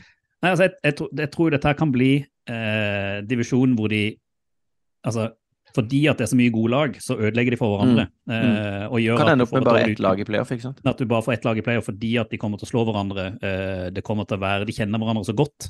Men jeg er nok litt på den at jeg tror eh, Patriots kommer til å gjøre en helt OK sesong. Jeg tror Bill Belichick eh, Han kommer ikke til å vinne divisjonen, men jeg tror de kommer til å overraske. Dolphins og Bills er jeg veldig usikre på, fordi de skal spille så mye divisjonsoppgjør. Og Jets er jo litt sånn der bust or Altså, det er enten-eller. Eh, og da tenker jeg at eh, hvis jeg skal legge hodet på blokka, så tenker jeg Jets vinner en divisjon, de lykkes i år. Eh, det, er der de, er der målsettinga skal, skal ligge. Så jeg har et håp om at Forsvaret holder seg så jævlig god som det var i fjor, og så greier de å få det offensive til å fungere litt bedre nå med, med A-Rod. Og så greier de å surfe inn den divisjonen i tett konkurranse med Bills og, og Dolphins og Patriots. Her tror jeg det kan liksom være én kamp eh, fra eller til, fra topp til bunn, eh, når sesongen er avslutta. Du, Stian? Før eh, sesongen i fjor så hypa vi opp Buffalo Bills så til de grader. At de var det beste laget. De kom til å vinne Superbowl, og det var deres år.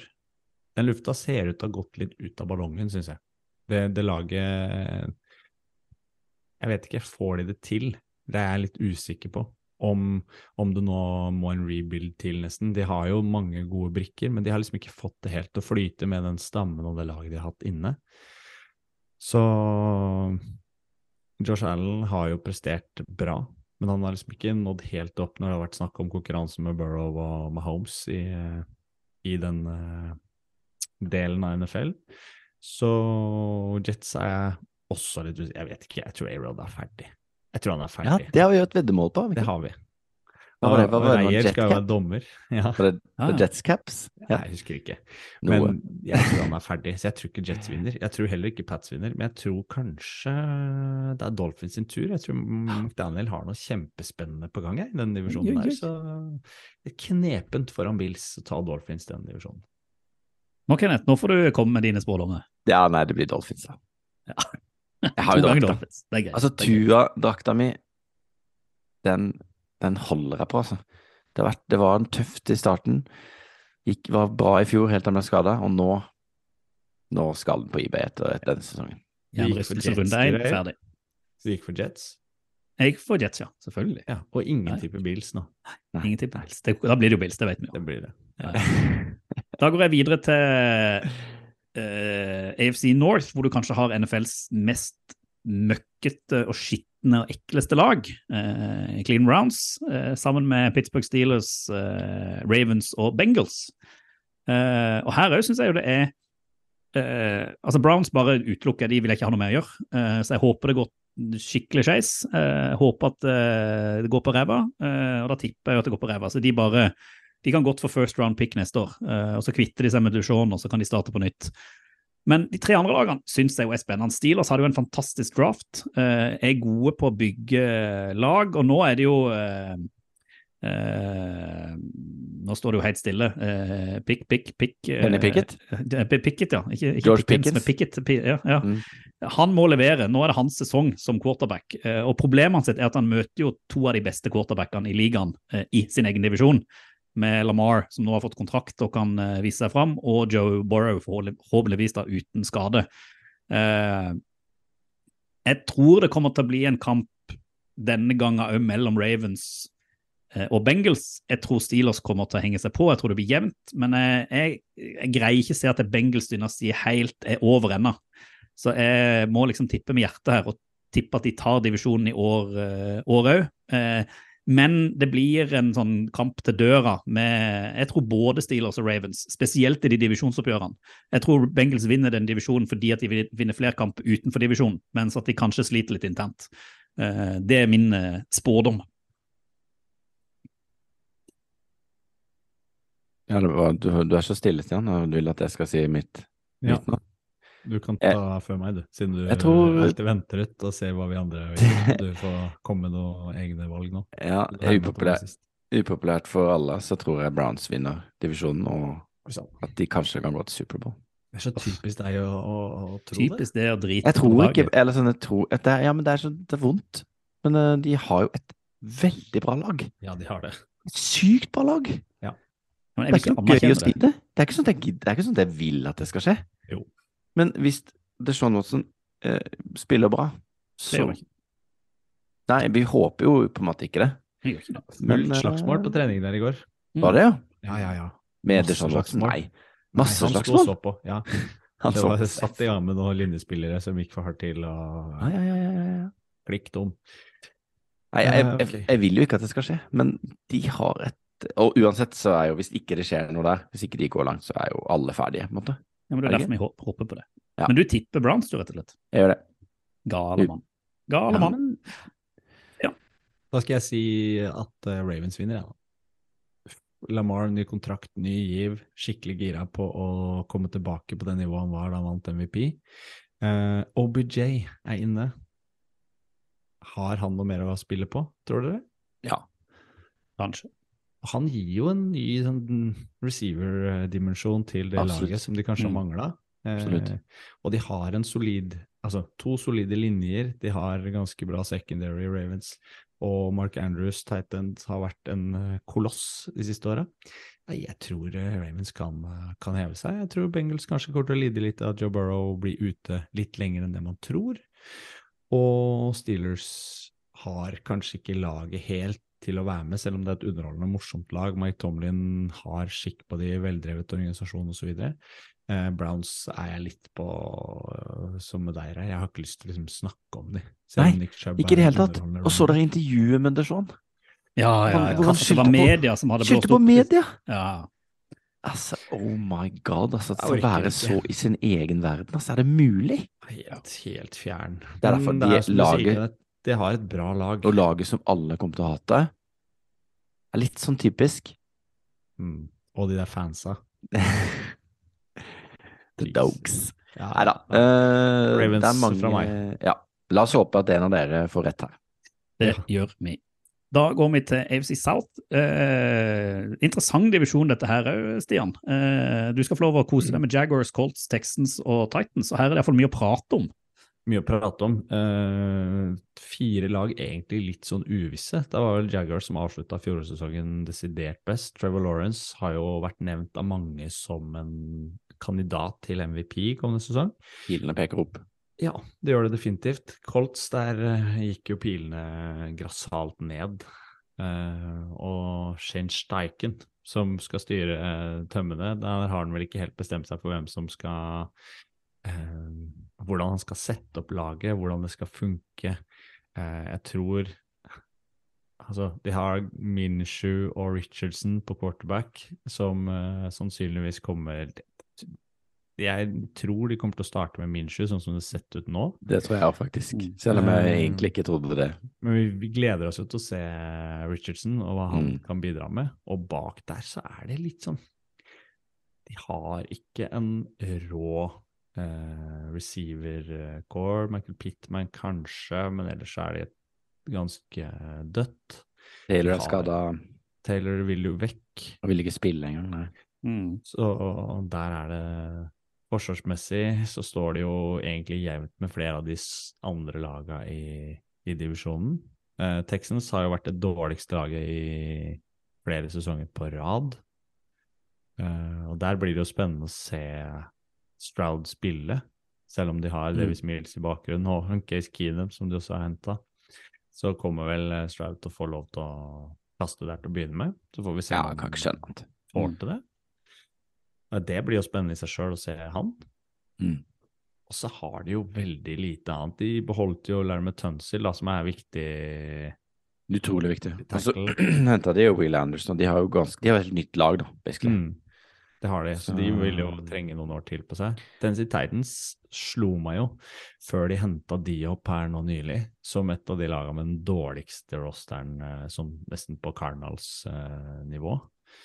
Og Tannehill, Lewis, Malik Willis, der er det vel kanskje Tannehill som kommer til å være, være nummer én. Eh, så et intervju med Mike Rabel i går hvor han snakka om Will Lewis, som så bra ut, men fortsatt var litt, skal vi si, litt rookie, litt rusten. Mm. Uh, og de tok det dag for dag, som de sier. Um, og Derrick Henry er jo fortsatt der inne, og vi vet jo hva han kan gjøre og bidra med for en, eh, for en quarterback som trenger litt hjelp. Mm. Så jeg syns det er vanskelig å spå en klar, en klar vinner i divisjonen her, da. Eh, og skal man se kanskje på fjorårsresultatene som utgangspunkt, og hvilket lag som har en oppadgående formkurve og, og utvikling, så er det vel Jaguars som ser ut for meg som det sterkeste laget og har begynt å sette skal vi si, lagbygget best, da. Mens de andre er fortsatt litt i villrede og litt uvisst hvordan Texans er litt igjen. Colts vet du ikke hvor du har, sammen med, med Titans. Ja, skal jeg hoppe inn da, Kenneth? Gjør det. Før det. Ja. Ja. Jeg syns det er interessant egentlig at både AFC og NFC South er liksom de to klart svakeste divisjonene i NFL i, i år. Eh, Sør. Sånn, sånn Tungt tydelig på, på nivå. Eh, jeg sy- syns jo egentlig at Jaguars står fram som en sånn soleklar favoritt. De har jo fått det laget de hadde i fjor, hvordan de leverte, og så har de fått inn Calvin Ridley etter et års suspensjon òg, så du har et kjempevåpen i tillegg til det forsvaret de har, og Trevor Lawrence som har ett år til på baken. og eh, det, det ville overraske meg om de roter den vekk. Og så er jeg jo litt sånn som eh, Altså, de tre andre lagene er jo liksom sånn bingo. Eh, Texans kan plutselig levere eh, mye bedre enn man tror. Colts kanskje òg, med Richardson som kommer inn og blir helt vill. Titans pleier jo å være, har jo vært det beste laget i den divisjonen i mange år. Du skal ikke kødde med Mike Vrabel heller. Forsvarsmessig kommer de til å være blant de beste lagene i ligaen i år òg, tror jeg. Så er det da hvordan de gjør det offensivt.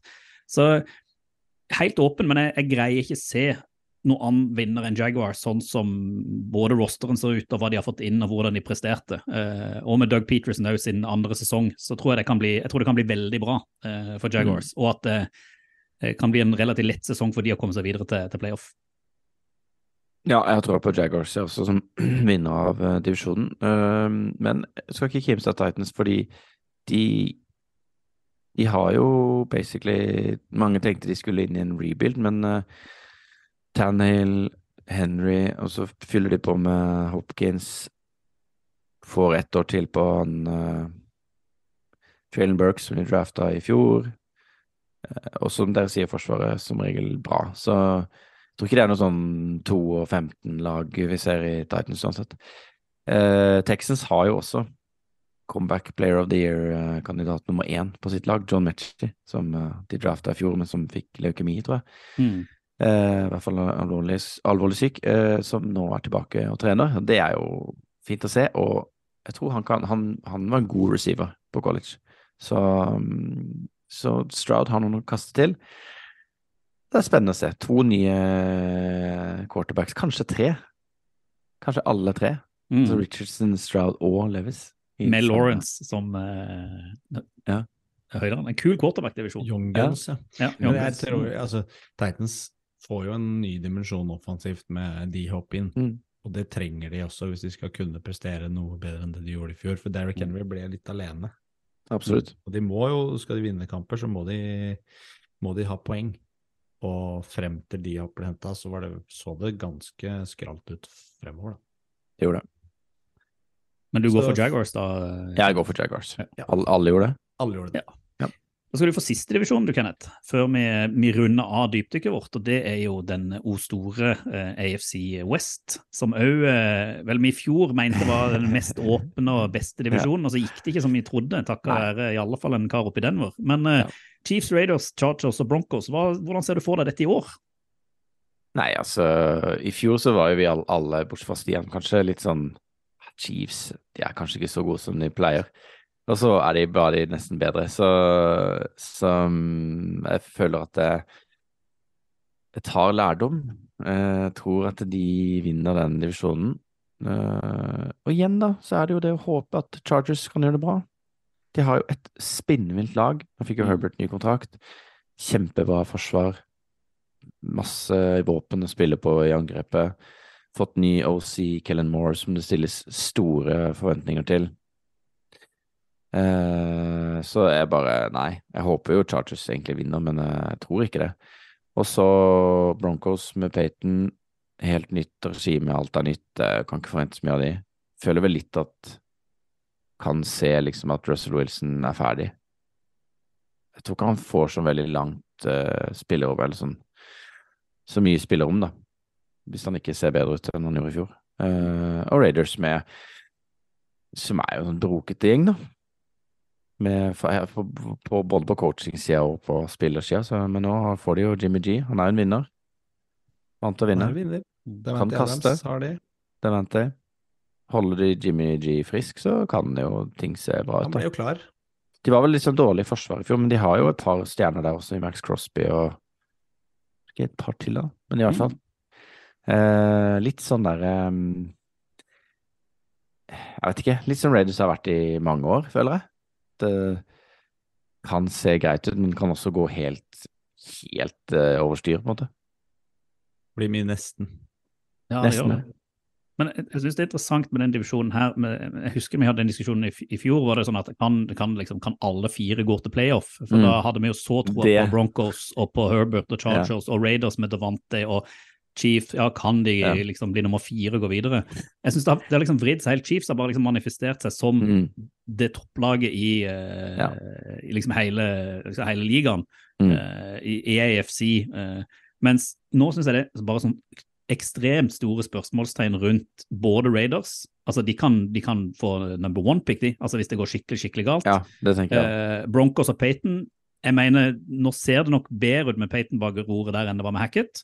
Eh, men man, vi er jo kjempeusikre på hvordan det vil egentlig gå der oppe hvis han ikke leverer. Og så har du Chargers, Mm. da, som har jo en fantastisk quarterback, eh, men Brendan Staley han må levere i år eh, som trener hvis dette skal, skal gå. og er liksom Chargers får, sånn Tottenham-syndrom, liksom. Ja, ja. At det er sånn nesten-laget to, totalt. Så jeg liksom, nå er jeg liksom på den at her føler jeg liksom Chiefs nesten egentlig skal surfe seg gjennom, og så blir det noen tøffe divisjonsoppgjør. Men eh, er det noen som kan utfordre dem, så er det Chargers som da plutselig endelig slår til. Eh, jeg har Mm. ikke helt troa på verken Broncos eller, eller Raiders i, i år. Eh, Raiders har jeg ikke troa på i det hele tatt. De tror jeg Nei. kommer til å tenke helt. Eh, Jimmy kommer til å bli skada, og så er du liksom i gang igjen. Men eh, ja, det, så jeg, jeg har Chiefs på toppen, eh, men langt ifra så jevn som han var i fjor, og langt ifra så høyt nivå som det var i fjor på den divisjonen. Iallfall sånn som vi trodde. Mm. tror ingen liksom cruiser i noen divisjoner i NFL. Det er liksom viktig, tror jeg, å, å påpeke her. For jeg tror den- man så i fjor at Chiefs uh, sleit jo i visse kamper mot uh, Broncos og Chargers. Altså, de de, de tapte noen kamper som var litt sånn overraskende at de tapte. Ja, altså Divisjonsoppgjør er jo annerledes, for de kjenner hverandre så godt, så det er vanskeligere å overraske. Ja, men det som uh, utmerker seg mest, er jo hvordan det angrepet til Chiefs hele tiden klarer å fornye seg, og hvordan Patrick Mahomes og Andy Reid stadig vekk finner ut av nye måter å møte forsvar på. Nå bytter det ut, nå er jo Biennemi ute. Uh, de har jo ny offensive coordinator, og de må jo få et samarbeid der til å fungere også for å få, uh, få angrepet til å flyte. Og de Mm. har jo ikke noen nye altså, receiver-stjerner. De har ikke noen kjempenye angrepsvåpen, men de har jo helt sikkert eh, han de trada inn fra Giants i fjor, han eh, Tony Tony. ja, er blitt skada, tror jeg, men eh, ja, men han skulle være klar. Han får nok Ja. et mye større ansvar enn det han hadde i fjor. Han var jo avgjørende også i, i Superbowl. Og jeg tror Chiefs, spesielt Chiefs med Holmes, veldig gøy å se om de klarer å opprettholde det høye nivået som de har hatt de siste åra. Og, og gjør de det, så kommer de nok til å vinne divisjonen.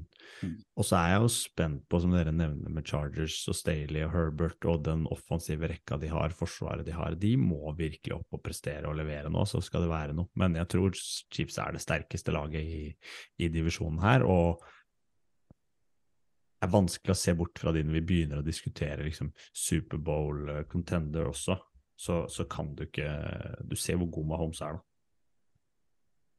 men da har vi en, eh, da har vi en eh, Chiefs-vinner fra alle tre i den divisjonen, ser det ut som. Mm. Mm. Så får vi spå, vi får spå litt hvem som går helt til topp neste gang. Det får vi holde folk i spenninga. Nå har vi iallfall vinner tatt divisjonene, så får vi se hvem som tar, tar tittelen når vi møtes, eh, møtes neste gang. Høres ikke det greit ut? Høres greit ut. Veldig bra. Ovalball. Fotball til folket. Da ble det en episode denne gangen òg, ble en episode denne gangen òg. på halvannen time. vet du. Vi måtte, vi, mye måtte, vi måtte prate om å få igjennom. Vi har liksom, eh, det, det, det tar sin tid når vi får satt oss ned. Ja, ja. Ja. Vi, vi har et mål, har vi ikke det, Stian? Denne sesongen om å gjøre litt annerledes ting enn vi gjorde akkurat nå. Ja, og folk har jo merka at den sesongpausen vi har tatt nå, er kanskje lengre enn det vi har gjort. Det har gått lenger mellom podene, og de har jo eh, sine, sine grunner. Eh, og det gjør jo at vi kommer til å forsøke å få til en ukentlig pod når eh, sesongen drar i gang. Eh, Men vi kommer til å gjøre det litt mer sånn kort og konkret knytta til kamper og, og takes. Ikke nødvendigvis så mange krumspring kanskje som vi har gjort, uh, gjort uh, tidligere. Og da får vi heller legge inn en eller annen spesialepisode innimellom. Ja, så er det, er det vel tvilsomt at vi alle tre kommer til å greie å stille opp uh, hele høsten. Nei, Jeg kjenner, jeg kjenner jo sjøl det at med, med, med litt ekstra barn og sånn, så blir det, det blir nok sånn der eh, Én sitter på benken og to er med mye utover Ja. høsten, men det, Ja, det er sånn får det bare være. Vi har noen gode innbyttere der ute. Ja, ja, ja, Ja, vi har det. Vi har det. Vi har mange gode. fri til. Supersubs. Ja. Uh, og, og så kan det være at vi dukker opp i andre typer medier etter hvert òg. Vi får se. Det, eller hva, Stian? Men, Kan hende. Det kan hende. Det kan hende. Hvem vet? Vi får, hvem vet? Det- eh, Hvem vet? Men vi kommer jo sikkert til å klare å få ut en eller to eh, episoder til før sesongen virkelig drar i gang. 8. september. Da er det, da er det avspark. Lions Chiefs eh, natt til fredag. Ja, og så tror jeg at vi skal greie endelig Oi. å få eh, på plass litt eh, ovalball merchandise i løpet av, av høsten. Så det Er der, det derfor mulig? jeg følger med der ute. Ja, for det var jo mitt ansvar, og nå har jeg ditt ansvar. Nå, har jeg gitt deg opp. Så nå Altså, I går fikser jeg det tok. Reier ansvar, og det tok under 24 timer før det var på Tok jo plass. seks og et halvt minutt før det var et design i chatten. Så eh, gjerne der ute, hvis det er noe dere gjerne vil ha Mm. eh, av oval ball, om det er kopp eller caps eller T-skjorte eller genser Boksere, eller babybody eller eh, ja, ja, så gi oss en lyd på ovalballpod på, uh, på våre sosiale medier eller kontakt etter ovalball.no. Og uh, så skal vi gi en lyd når, det, når ting er klart til å handles, og så skal du ikke se bort ifra at vi lodder ut litt i, i poden òg, til, Oh, yes. til, til gode lyttere som kommer med gode innspill eller.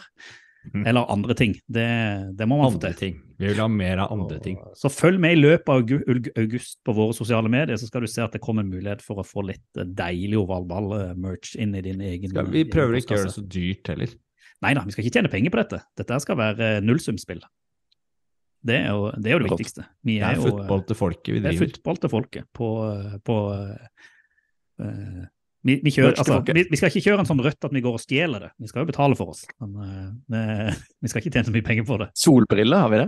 Nei, solbriller tror jeg ikke jeg får til. Det blir litt vanskelig. Men uh, caps er jo Det, det skal jeg få greie å få til. Ja, ja. Det er fint, det. Det Det er er fint, bra, det. Du er god. Ja, takk. Vi får, vi får se, da. Får se, når, se om det blir noe. Uh, more to Update to follow. Men da Da er vi ferdig. Når, når snakkes vi igjen? Aner ikke. En gang i løpet av august. Det, det dukker vi plutselig opp igjen. Jeg tør To- ikke I hvert fall to ganger til i løpet av august. Ja, Det er Det er 1. august i dag, liksom. Ja, det det, er 31 muligheter til, eller dager. ja, ja. To ganger klare. Det kommer nok ikke hver uke før sesongen starter, men vi skal i hvert fall dukke opp litt før, eh, før sesongstart. Det er klart. Definitivt. Den er god. Men da, eh, tusen takk for eh, at dere dukka opp, boys. I like måte. Og for første gang denne høsten, football til folket. Football. til folket. Football til folket. Do the Titans have a miracle left in them in what has been a magical season to this point? If they do, they need it now. Christie kicks it high and short. Going to be fielded by Lorenzo Neal at the 25. Yeah, give it Pitches to- it, back to Wycheck. He throws it across the field to Dyson. He's got something. 30, He's got something. 50. He's got it. 40, He's got it. 20, 10. He's got it. five, End zone. Touchdown Titans. There are no flags on the field. It's a miracle. Tennessee has pulled a miracle.